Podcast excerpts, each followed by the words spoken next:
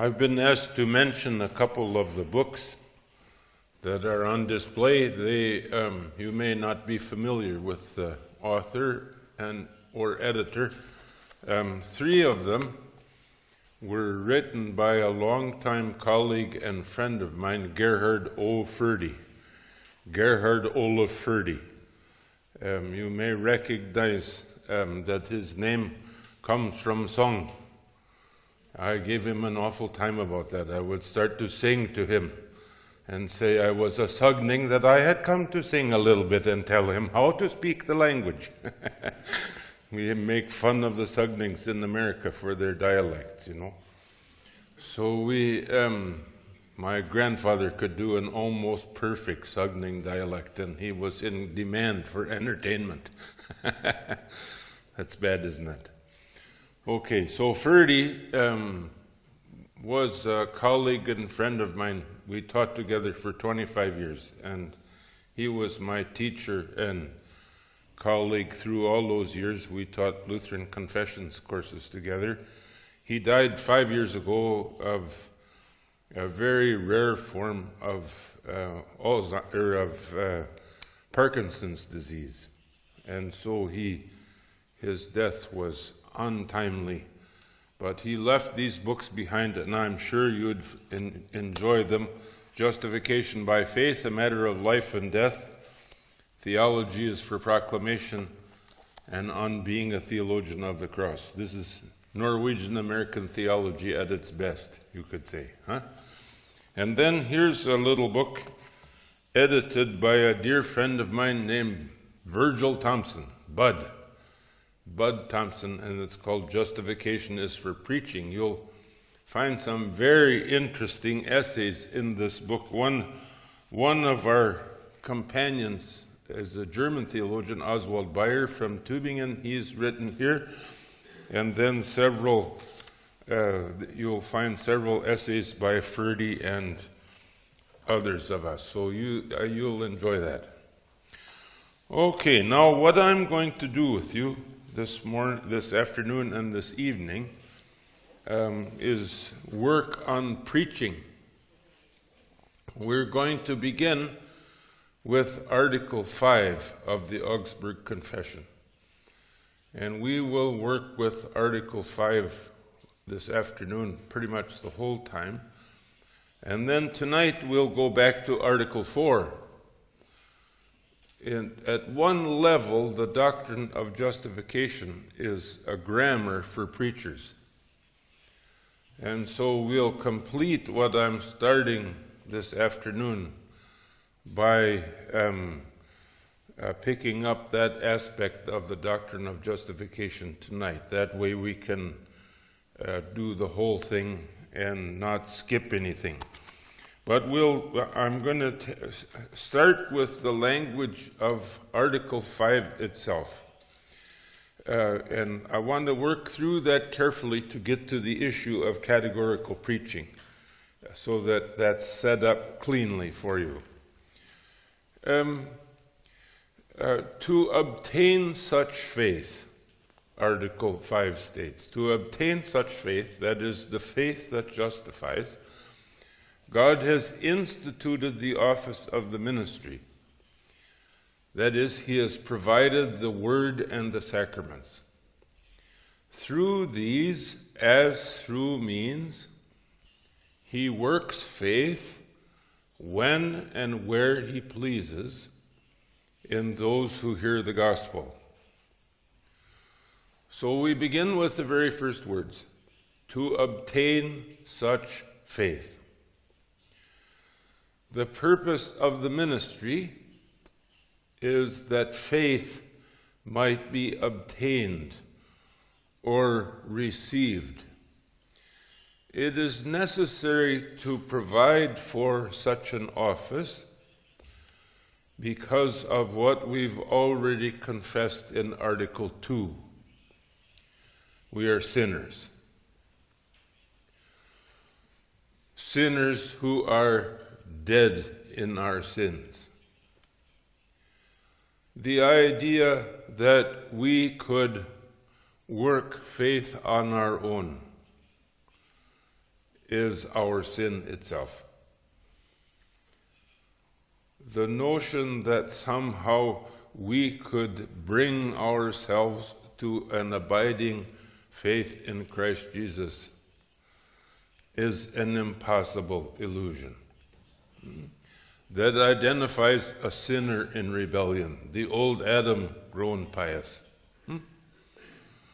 who now adds to his misery a theological self indulgence.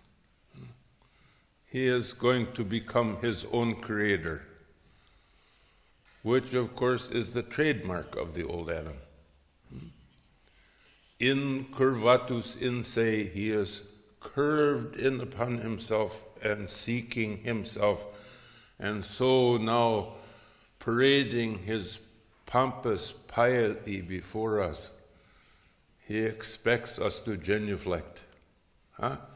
and rejoice in his religious achievement, not for the moment realizing that this is sin itself.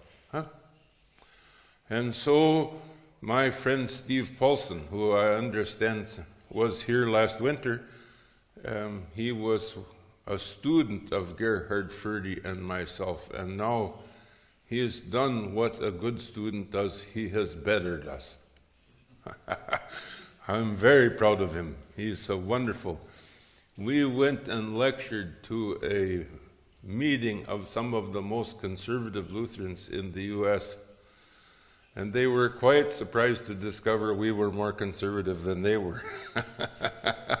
the Wisconsin Synod and the Missourians. It was a lot of fun. And Steve lectured on preaching, and he described preaching as um, preaching to the dead.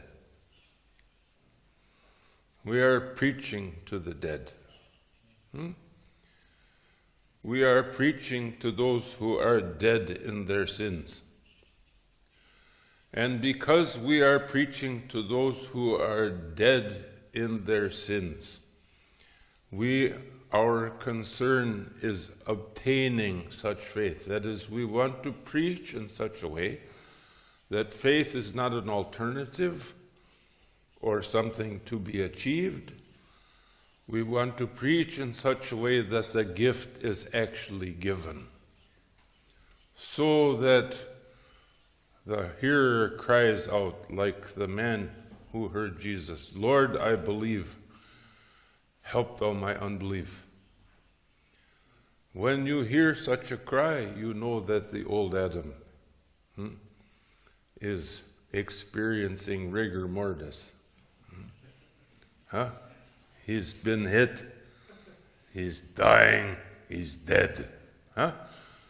Because now the heart is crying out to Christ Jesus. Huh? Crying out, Lord, I believe, help thou my unbelief. So, the first and most important thing in, at the beginning of Article 5 is this faith is not something we possess by nature something we can obtain out of our wills, or something we can bring ourselves to by our own effort or strength. Huh? You all remember, I'm sure, the great words. You remember them in Norwegian. I quote them always in English. Huh? I believe that I cannot, by my own understanding or effort, believe in Jesus Christ my Lord or come to him. Huh? But the Holy Spirit has called me by the gospel. See? So, to obtain such faith, God has instituted the office of the ministry. If we could do it ourselves, there would be no necessity of an office. If we could do it ourselves, we would, grace would be superfluous.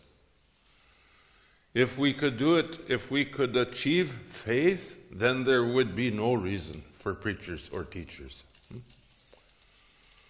Faith comes from the outside. And so when the New Testament uses the word faith, it always appends a preposition, pistis eis. Faith in. Hmm? if you begin to look for your own faith, if you begin to examine yourself to see if you are really and sincerely and devoutly a person of faith, your faith will slip away like a vapor and disappear. Hmm? You will not be able to see it or find it any more than you will be able to see your love for your wife or your husband. Faith is in the other. Faith is in the object of faith. It is literally in Christ, it is not in us. So Luther said, This is what makes our theology certain. It takes us outside of ourselves and brings us to rest in Christ. We are led out of our own hearts, out of our own consciousness, huh, into Christ Jesus. There are many beautiful examples of this in the New Testament. My favorite is Peter walking on the water. I mean, my goodness, you people are Norwegians, you know about fish. Huh? I mean, fish and fishing, that's pretty, sometimes that's all I think about, you know. I mean, we moved to the west coast so I could be close to the salmon again. and oftentimes, when I've fished all night and caught nothing, I think of Peter. Huh? And then I think of Peter saying the stupidest thing that any apostle could ever possibly say Lord, bid me come to you across the water. Here's a man whose name is Rock who has lived around the water all of his life and asked to walk on it. I mean, that's just preposterous. A great big joke. The Holy Spirit has his tongue so deep in his cheek, huh, that you see a big bulge. I mean, I mean, the Holy Spirit is chuckling as he inspires this word. He's having a good laugh at Peter's expense. Lord, bid me come to you across the water. And of course, Jesus gets in on the joke right away. Huh? He is the second person of the Trinity, so he knows what the third person of the Trinity is doing. Huh? And the first person of the Trinity is going to guffaw about this too, right? And so what happens? Peter steps out onto the water and he walks. Well, there wouldn't be any sport if he sank right away. I mean, he's got to be a good fish and put up a little fight. He walks. He walks across the water, and then all of a sudden he realizes, My name is Rock, and I'm walking on water, and he goes down like a rock. Huh? As long as he keeps his eye on Jesus, he walks. As soon as he looks to himself, he goes down. This is faith. As long as faith looks to Christ Jesus, faith walks, it can dance across the waves. Huh? It can spin and pirouette on the waves. It can rejoice in the waves. But as soon as it looks at itself, kerploosh, it sinks. This is faith. It's faith in. So the job of the preacher is to lead the hearer out of himself or herself into Christ Jesus. This is the purpose of preaching to obtain such faith. that is, to take the hearer out of his or her own hands and place them in the hands of Christ. To obtain such faith, God has instituted an office. Now, we have to say from the beginning that this office is not exclusive in an, elimin- in an elimination sense. God is far too wise to rely on preachers alone. he knows the history of the ministry. so he knows Jonah, for example, and his difficulties accepting a call. And he knows Peter. I will stand with you to the cross and death. And then a moment before a fire. He knows Paul, he knows the whole succession of preachers, and so he floods the world with his word. His word gets out, it can't be contained. So, over and over again in the Gospels, we run into people who have come to the ba- faith on the ba- come to faith on the basis of rumors. They do not have, in the Lutheran Orthodox sense, a fully formed faith. But the Word has taken hold of them. And as the Word has taken hold of them, huh, they have come to faith huh, in Christ Jesus.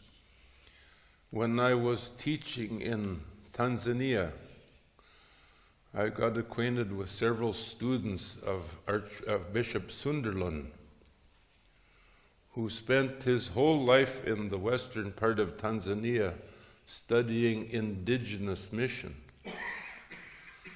When missionaries came to Tanzania from Europe and America, they discovered Christian congregations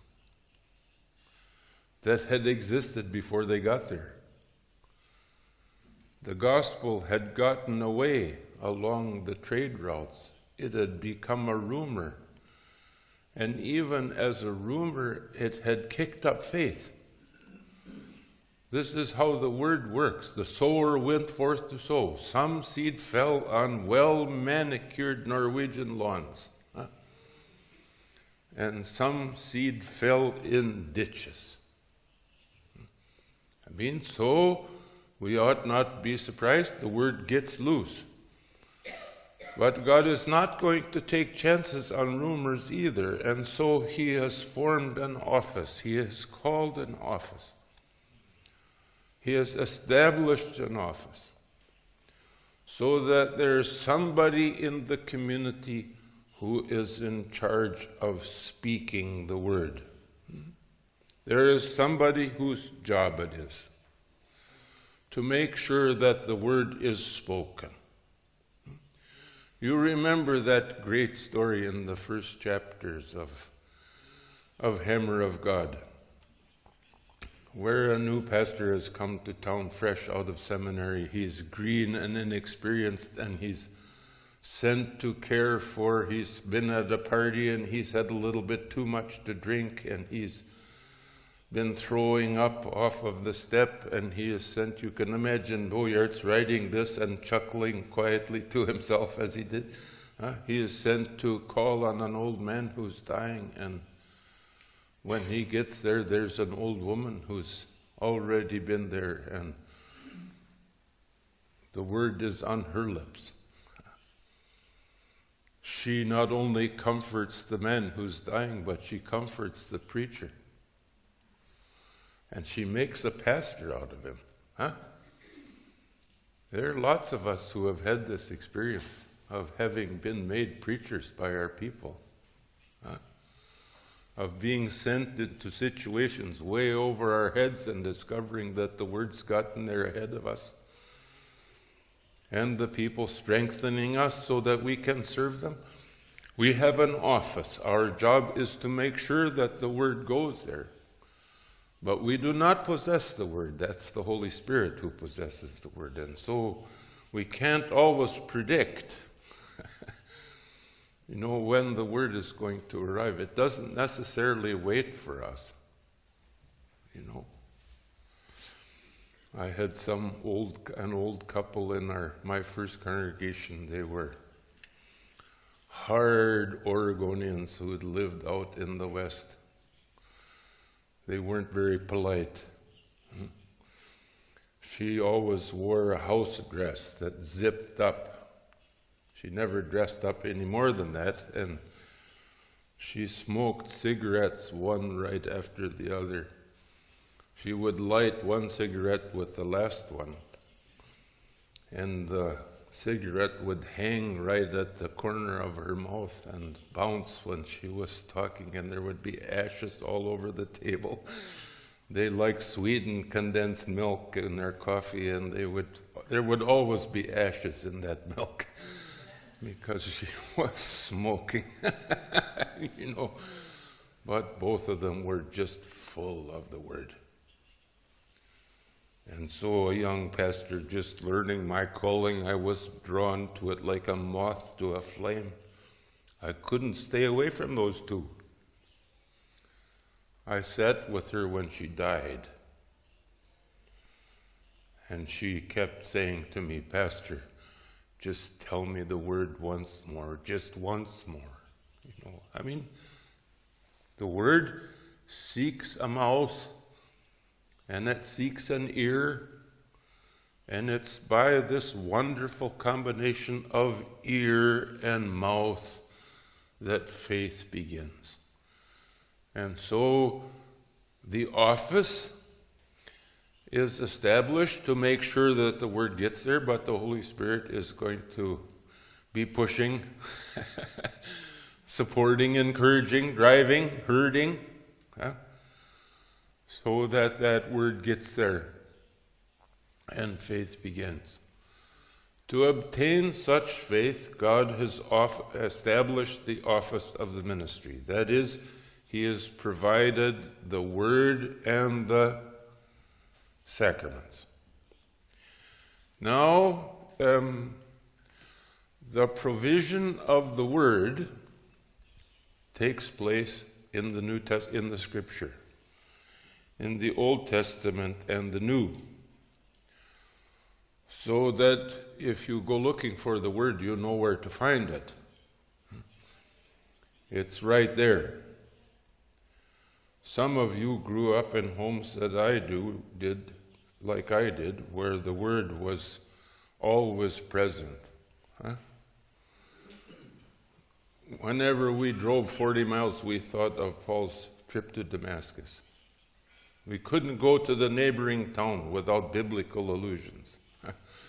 Even the jokes were biblical because in our village we lived in this.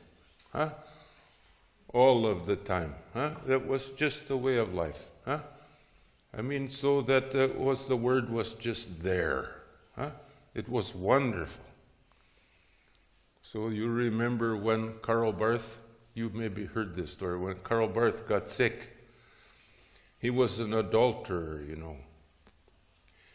He committed adultery with one of his parishioners, or with one of his confirmands, and she lived in the front room in his house the rest of his life, and his wife lived in the back of the house. And so when he died, guess who was sitting by his bed? His wife. Terrible.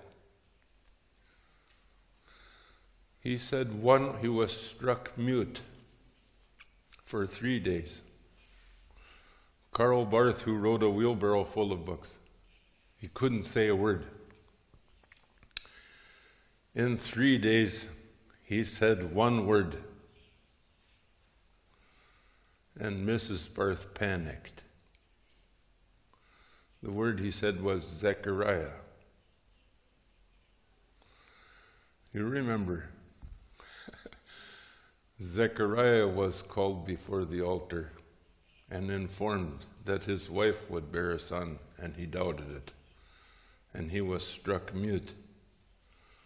So Barth was making a joke. And Mrs. Barth would panic because she would think, maybe I'm expecting a baby too. She was over 80. But you know, the good Lord, you have to be careful when He's around because He likes to raise the dead. And making an old woman the mother of children isn't impossible for him. I mean, look at Sarah for crying out loud. She sneezed in the flour, and all of a sudden, her stomach is growing. I mean, it's wonderful. So, um, This is, you know, God's Word, and because it's so much part of our lives, even our humor starts to go this direction. Huh? We start joking about it because we, it's part, part, you go to the Scripture. We go to God's written Word, the Old and the New Testaments, and we go there because God has spoken His Word definitively and in the most inspiring sort of way there. We hear it there.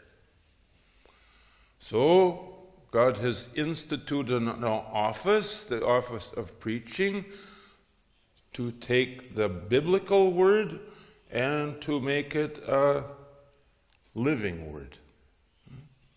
A word that addresses the hearer. So we don't ordain Bibles. We ordain preachers. And we send preachers with the scripture to communities that already have the scripture so that preachers may speak the word in a living way. Hmm?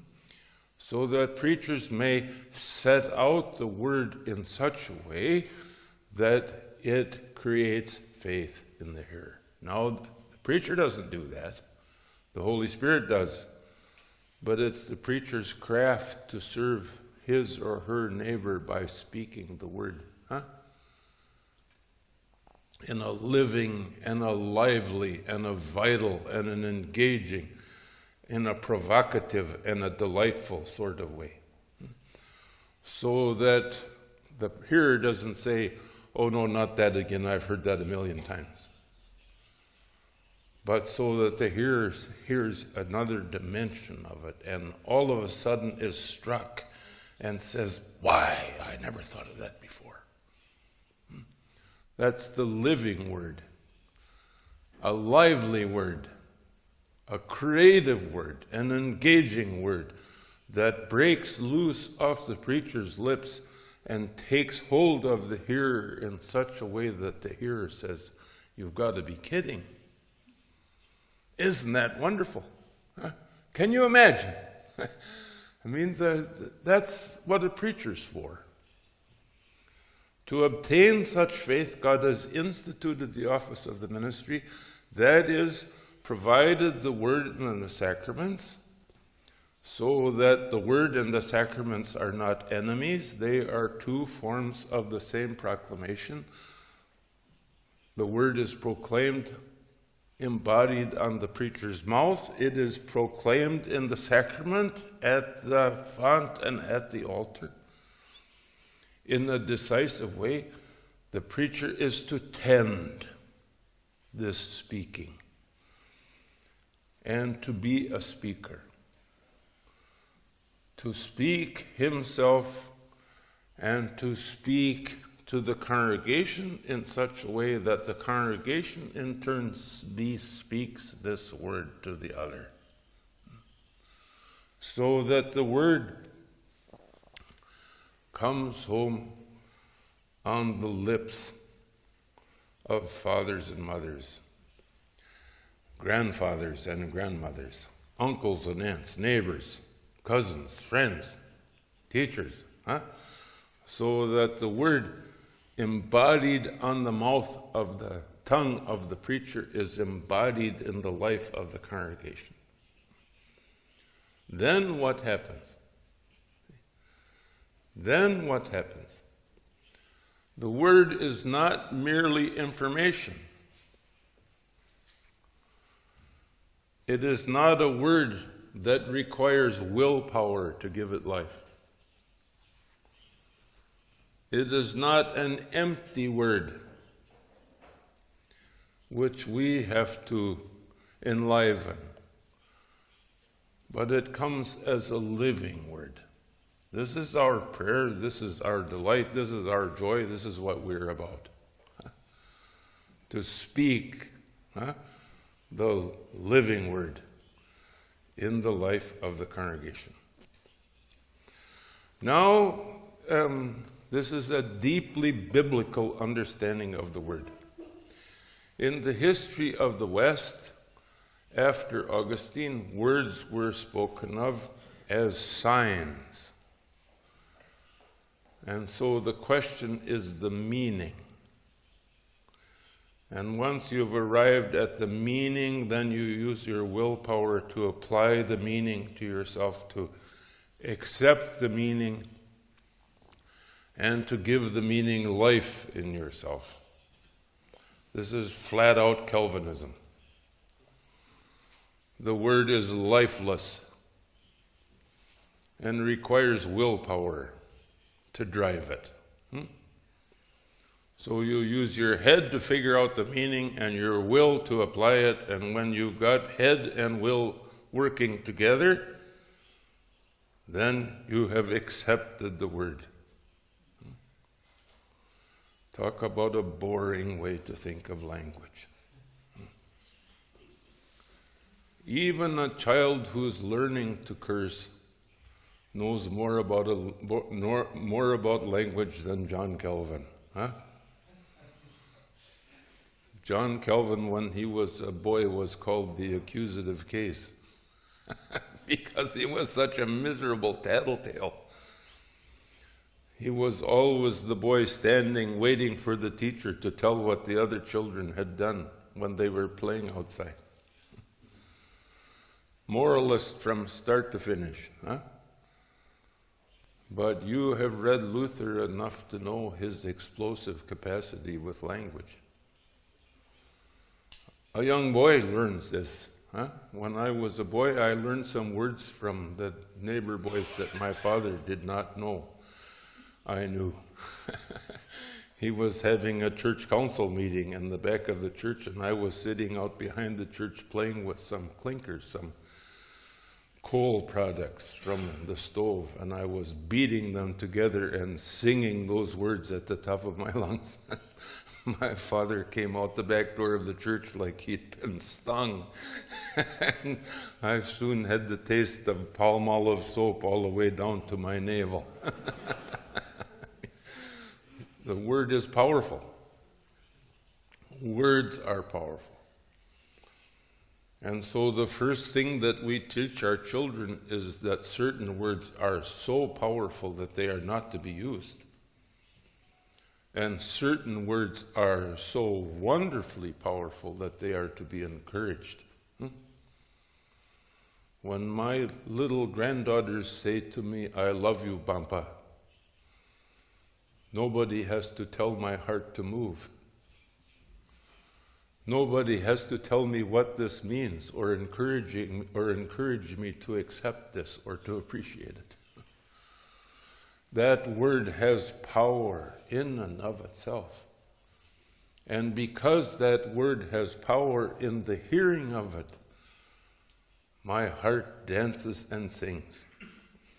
So you know that I am a good Norwegian American, and I have taught my grandchildren to eat sild and to and uh, geitost. So when my little granddaughter comes into the house, when she stays with us on Wednesdays, she comes running in and says, I want herring, Bampa. I want geitost, Bampa. And I go running to the refrigerator and I gladly get her everything she needs. You know, Martha was listening to this one day and she accused me of child abuse. I used to just say, you get them before they got teeth. Teach them to enjoy what they should enjoy before they learn to resist it. Huh? This is, you know, th- this is the power of words. We give life to one another through language. We bestow courage and resolve on one another through language if you overhear the congregation, the conversation of your congregation, you hear life giving words moving amongst your people, huh? Giving joy and comfort. The last thing that happened to us before we left was a phone call. We were sitting on the plane in Portland ready to leave, and my phone rang. I had forgotten to turn it off. And I picked it up, and it was an old woman in the congregation. She said, Ralph Fisher just died. An old pastor who couldn't die. He prayed and prayed to be relieved of life, to go into the resurrection. And finally, God answered his prayer. And she said, I am just calling to rejoice with you. I know you're leaving, but you have to know before you go. I mean, this is, you hear love being poured over and spread, and love welling up in the congregation, the word bringing forth fruit. I mean, this is where we live. Huh? And so the word is living and active. It does not return to us empty, but prospers in that for which God sends it. It is a two edged sword. It creates uh, uh, weal and it creates woe. It creates new life and it creates terror. The word is our business, it's what we do, it's what God has called us to, to be speakers. Now, because of the word's character, we use a special word to describe a type of preaching that follows out of this. We call it categorical. That is, this is preaching which does not appeal to the will or appeal to the heart of the hearer in hope of attaining a decision. This is preaching that's declarative. This is preaching that states flat out what God requires and what God gives. The Ten Commandments are not ten values in search of clarification. They are not ten alternatives for your consideration. They are not an ideal way of life that we think you will find appealing. The Ten Commandments are God's will. So when you preach the first commandment, this is what you say I am the Lord your God, you shall have no other. That is, as Luther says, you state the whole law and you state it plainly. And you hand it over to your congregation. So, uh, when I was still teaching, I always encouraged my students to preach on the Ten Commandments at least once a year, each commandment the whole commandment. All ten of them. So that people hear and hear themselves in the mirror of the law, see themselves in the mirror of the law. Their hearts are alerted, brought to attention. So you don't cut the law to terms or reduce it, but you say, this is God's commandment. I had a good friend um, in St. Paul whose name was Ken Corby. He was a retired Missouri Synod preacher who couldn't give up, and so he served one interim call after another, short term assignments. He was serving the poorest Missouri Synod congregation in St. Paul, an all black congregation on the edge of the ghetto. And um, he was a remarkable preacher, so I asked him if I could come to church there during Lent. You know, at that time I belonged to the ELCA, and we were formally without welcome in the Missouri Synod, and so I had to ask permission. But he was a very close friend of mine, and he said, I'll sneak you in the side door. So Carolyn and I went. The first Wednesday night during Lent, we went to church. Ken was sitting in front in the preacher's chair. People came in and sat down. We each received a mimeographed list of the Ten Commandments with the meanings and the most common violation. So at the beginning of the service, Ken said, the invocation, and then he said, What is the first and great commandment of the law? The whole congregation answered, I am the Lord your God, you shall have no other. He said, What does this mean? We said we should fear, love, trust, and trust God above anything else. And then he was silent. And we sat looking at the most common violations of the first commandment. After about five minutes, he said, What is the second commandment of the law? You shall not take God's name in vain. What does this mean? We answered, and then we looked at the most common violation. Again, he was silent. By the time we got into the second commandment, the church was dead silent. There was not a whisper. There was audible weeping. The commandments were doing what the commandments do. By the time we got to the end of the 10th commandment, the whole congregation was desperate. I mean, you could see the anxiety all over people. And then he lined us all up, and one by one, he laid hands on us and absolved us. Hmm? Repentance and forgiveness. Hmm? He did not bring us to repentance. The law brought us to repentance. He didn't mess with the words, he just let the words do what the words do. See? To obtain such faith.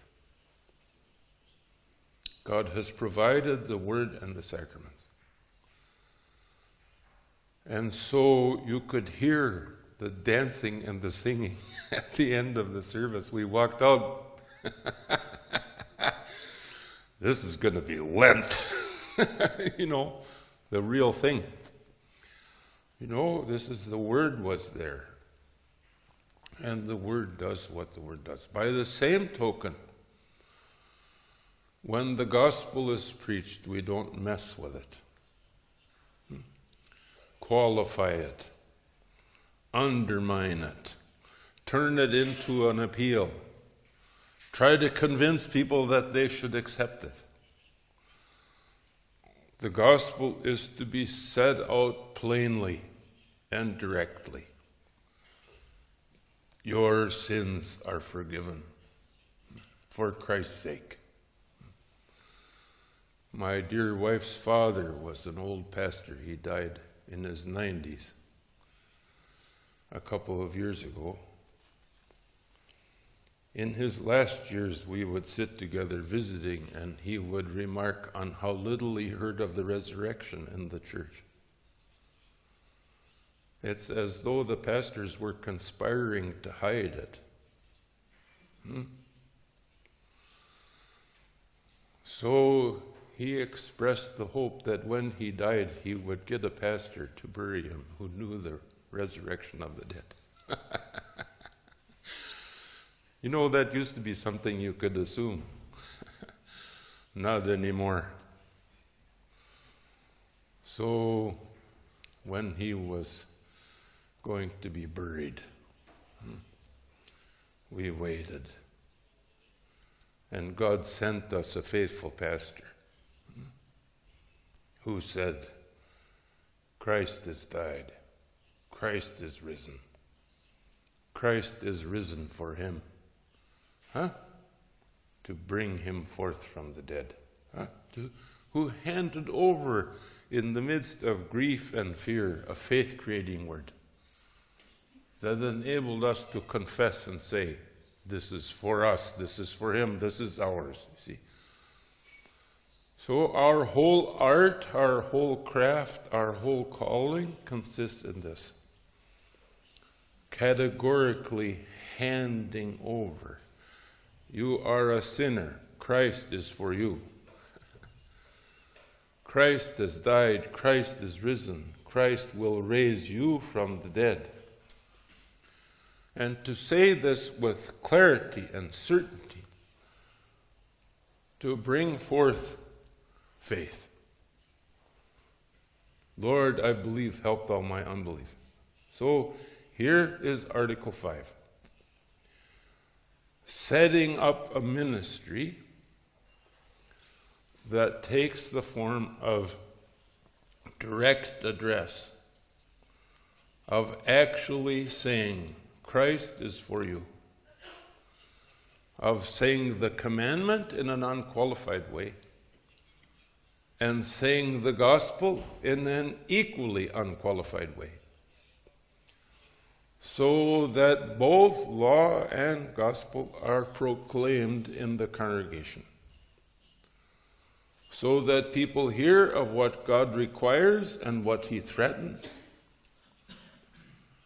and hear at the same time of all that He bestows and gives the freedom and the blessing, the joy, huh? a tidal wave of grace overflowing, spilling over us, huh? I, I didn't know this hymn till last night, and I can't say it properly, but I'm going to go home singing nada over nada, huh? Huh? Grace overwhelming. Whenever the Holy Spirit gets going, you have to be prepared for spillage because it overflows, it spills over everything. Five loaves and five some fishes become food for 5,012 baskets left over. Huh? And enough wine for the end of the party becomes six stone water jars full and DUIs, drunken driving charges, for the whole party on the way home. I mean, that's, huh? Christ Jesus, giving far beyond what we could ask or think. Okay? Is that good? Yeah? Okay.